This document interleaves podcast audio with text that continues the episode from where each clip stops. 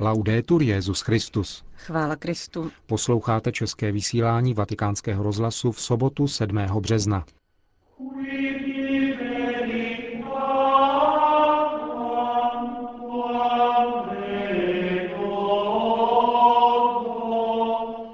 Benedikt XVI. se svými spolupracovníky z římské kurie dnes zakončil duchovní cvičení. Před sedmi lety došlo k přemístění sídla Petrova nástupce do Avignonu. Jeruzalemský institut Yad Vashem uspořádal konferenci o Piu 12. To jsou hlavní témata našeho dnešního pořadu, ke kterému přejí příjemný poslech Johana Bromková a Milan Glázer.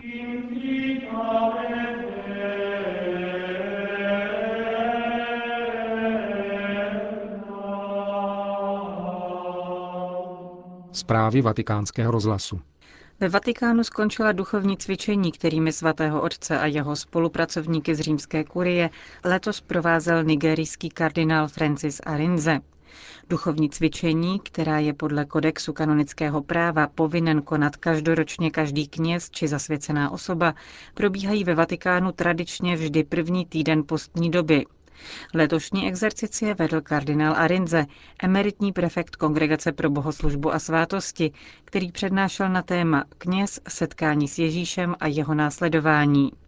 Pětidenní duchovní cvičení, v jejichž průběhu se zachovává naprosté mlčení, jsou tvořena především meditacemi, která konají zúčastnění na jednotlivá témata přednesená exercitátorem a společnými modlitbami liturgie hodin. Dnes dopoledne po skončení exercicií jako obvykle promluvil k účastníkům a zejména k exercitátorovi svatý otec. Jednou z krásných povinností papeže je poděkovat. A v této chvíli bych rád jménem nás všech ze srdce poděkoval vám, eminence, za meditace, které jste nám nabídnul. Vedl jste, osvěcoval a pomáhal nám při obnově našeho kněžství nikoli teologickou akrobací, ale tím, že jste nám dal zdravou nauku, dobrý chléb naší víry. Když jsem naslouchal vašim slovům, přišlo mi na mysl proroctví proroka Ezechiela, jak je vyložil svatý Augustín. Knize Ezechiel, pán, hospodin pastýř, praví klidu, povedu své ovce na horské pastviny Izraele. A svatý Augustín se ptá, kde jsou tyto izraelské hory, co je míněno o němi pastvinami. A říká, izraelskými horami a pastvinami jsou svatá písma, boží slovo, které nám dává pravý pokrm. Vaše kázání byla proniknuta písmem svatým, velkou důvěrností s božím slovem, čteným v kontextu živé víry, od církevních otců až po katechismus katolické církve, ale vždy pevně zasazené do liturgie. A právě tak bylo písmo přítomno ve své plné aktuálnosti. Vaše teologie, jak jste řekl, není abstraktní, ale vyznačuje se zdravým realismem. Obdivoval jsem a líbila se mi tato konkrétní zkušenost vašich 50 let kněžství, o nich jste mluvil, a v jejich světle jste nám pomohl konkretizovat naši víru.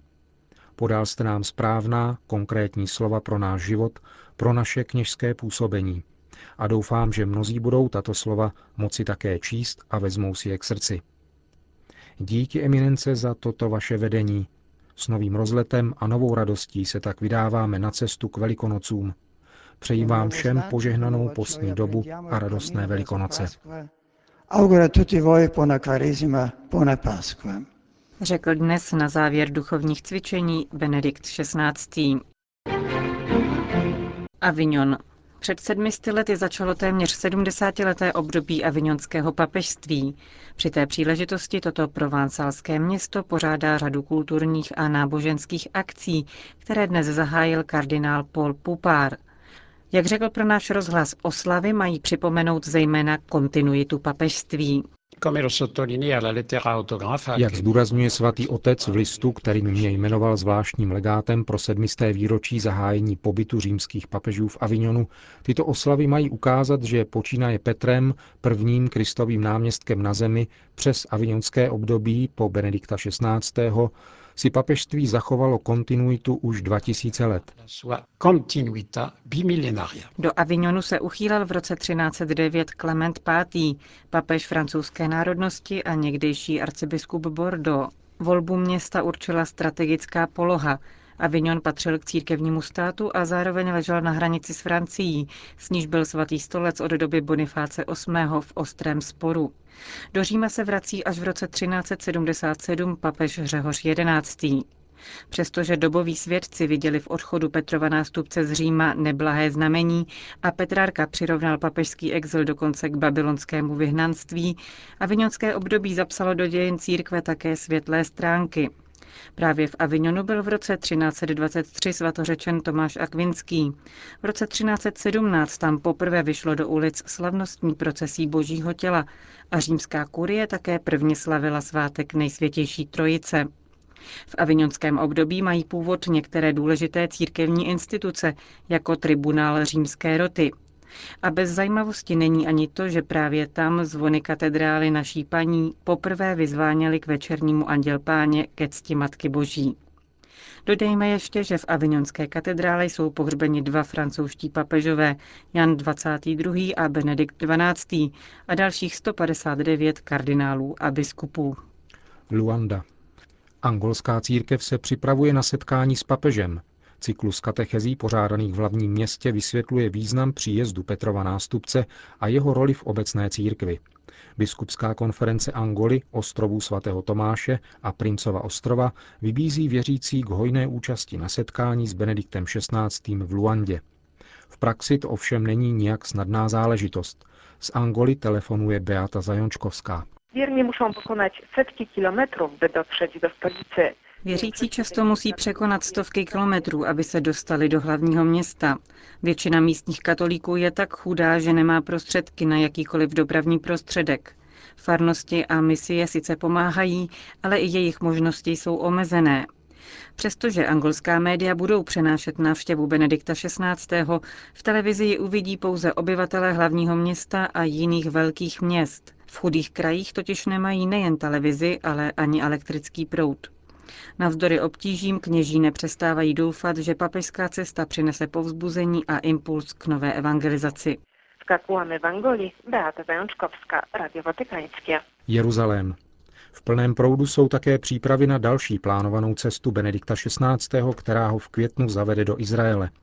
Návštěva papeže ve svaté zemi může křesťany povzbudit, aby tuto oblast neopouštěli, doufá latinský patriarcha Jeruzaléma arcibiskup Forward Twal.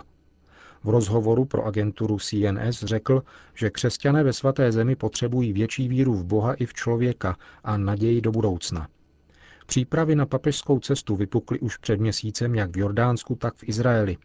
Místní křesťané doufají, že jejím vedlejším účinkem bude větší příliv poutníků a turistů. Věří také, že se pozitivně projeví v mezináboženském dialogu a pomůže vysvětlit některá historická nedorozumění. U příležitosti návštěvy Benedikta XVI. organizuje institut Yad Vashem konferenci o Piu XII. ve spolupráci se Salesiánským teologickým střediskem v Jeruzalémě. Dvoudenní konference začíná zítra. Jak známo, Jeruzalémský institut paměti mučedníků a hrdinů holokaustu zařadil Pia 12. mezi mlčící spoluviníky Shoa, jak to také stojí na tabulce s jeho fotografií. Proti nespravedlivému hodnocení mnohokrát protestoval svatý stolec. Muzeum Yad Vashem je jedním z plánovaných zastavení papežské cesty. Vatikán.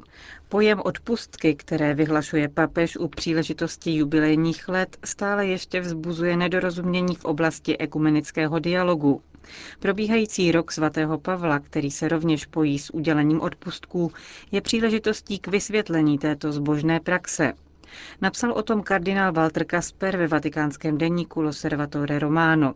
Jeho článek nese nadpis Rok svatého Pavla a odpustky pomoc pro jednotu křesťanů. Předseda Papežské rady pro jednotu křesťanů připomíná, že to byl právě protest Martina Lutera proti odpustkům, kterým začala reformace. Dnešní praktikování odpustků však nemá co dočinění s tehdejší praxí, jevící se jako kupování odpustků, ale pojí se s tradicí kajících skutků, která v církvi existuje již od samotných počátků křesťanství.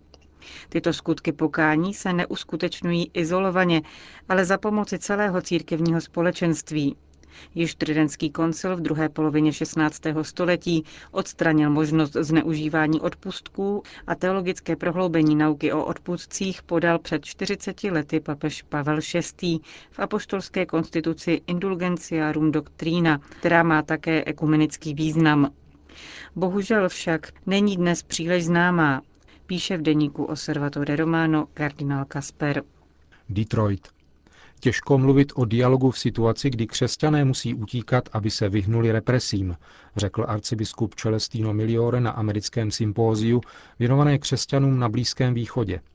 Setkání zorganizovala chaldejská eparchie v Detroitu a jeho cílem je upozornit americké veřejné mínění na problémy křesťanů, kteří na Blízkém východě bojují o přežití. Muslimové na nás pohlížejí prismatem svých dějepisných příruček a vidí v nás nepřátelské křižáky, uvedl stálý pozorovatel svatého stolce při OSN. Na druhé straně pro křesťany je islám především hrozbou náboženské netolerance. Následovníci Krista sice představují 7% tamní populace, ale jejich počet stále klesá, podotkl vatikánský diplomat. Arcibiskup Miliore ocenil práci místních církví, které se snaží udržet přítomnost křesťanství na místech tak důležitých pro jeho dějiny. Slouží tomu rozvoj monastického života, ale také církevní struktury v oblasti vzdělání, zdravotnictví a charitativní péče. New Delhi. Drama křesťanů v indickém státě Orisa ještě neskončilo, informuje arcibiskup Rafael Čínat. Na denním pořádku je vybírání výpalného, křesťanům se brání v přístupu na bohoslužby a jejich představitelům, například předsedovi biskupské konference kardinálu Topovi, není dovoleno navštívit poškozené. Metropolita hlavního města Orisy Bubanesváru podal zprávu o situaci křesťanů se zvláštním zřetelem k provincii Kandhamal, která byla nejvíce zasažena. Uvádí mimo jiné, že do oblasti se ještě nevrátilo 40 tisíc křesťanů. 7 tisíc jich žije v uprchlických táborech. Vláda sice nutí utečence k návratu do domovů, ale nijak se nesnaží zajistit bezpečnost. Viníci pogromu nebyli potrestáni. Podle údajů indického episkopátu 81 lidí přišlo o život, zničeno bylo 4677 domů, 236 kostelů a 36 klášterů. Protikřesťanské razie poznamenaly 450 lokalit. Arcibiskup Čínat zdůrazňuje, že ti, kdo se vrací do rodných končin, narážejí na mnoho problémů. Potřebují například právnickou pomoc, aby získali zpět své domy a pozemky, do kterých se nastěhovali samozvaní nájemníci.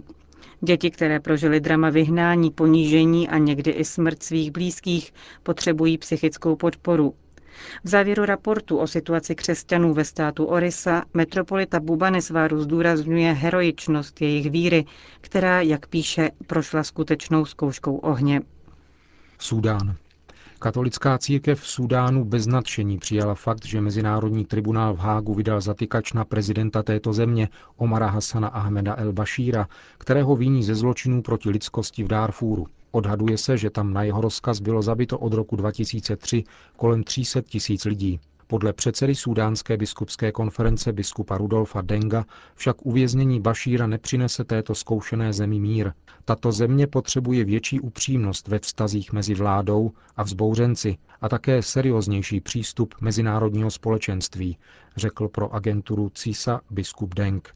Súdánská vláda reagovala na vydání zatykače tím, že vypověděla ze země asi deset humanitárních organizací, které poskytují pomoc tamnějšímu obyvatelstvu. Představitel jedné z těchto nevládních organizací, Lékaři bez hranic, Sergio Cecchini, pro vatikánský rozhlas říká. Lékaři bez hranic žádají mezinárodní společenství, aby nesměšovalo poslání humanitárních organizací s otázkami spojenými s lidskými právy nebo mezinárodním tribunálem. Žádáme, aby nebyli zaměňováni ti, kdo zcela nezávisle pracují v Darfúru, aby tam přinášeli pomoc, s těmi, kdo zde plní odlišný mandát. Doplácejí na to nikoli humanitární organizace, ale civilní obyvatelstvo, které je obětí konfliktu v Darfúru a dnes je obětí tohoto rozhodnutí. Říká představitel Lékařů bez hranic o situaci v Súdánu, kde více než 2 miliony lidí žije v utečeneckých táborech, o které se starají humanitární organizace. Končíme české vysílání vatikánského rozhlasu. Chvála Kristu. Laudetur Jezus Christus.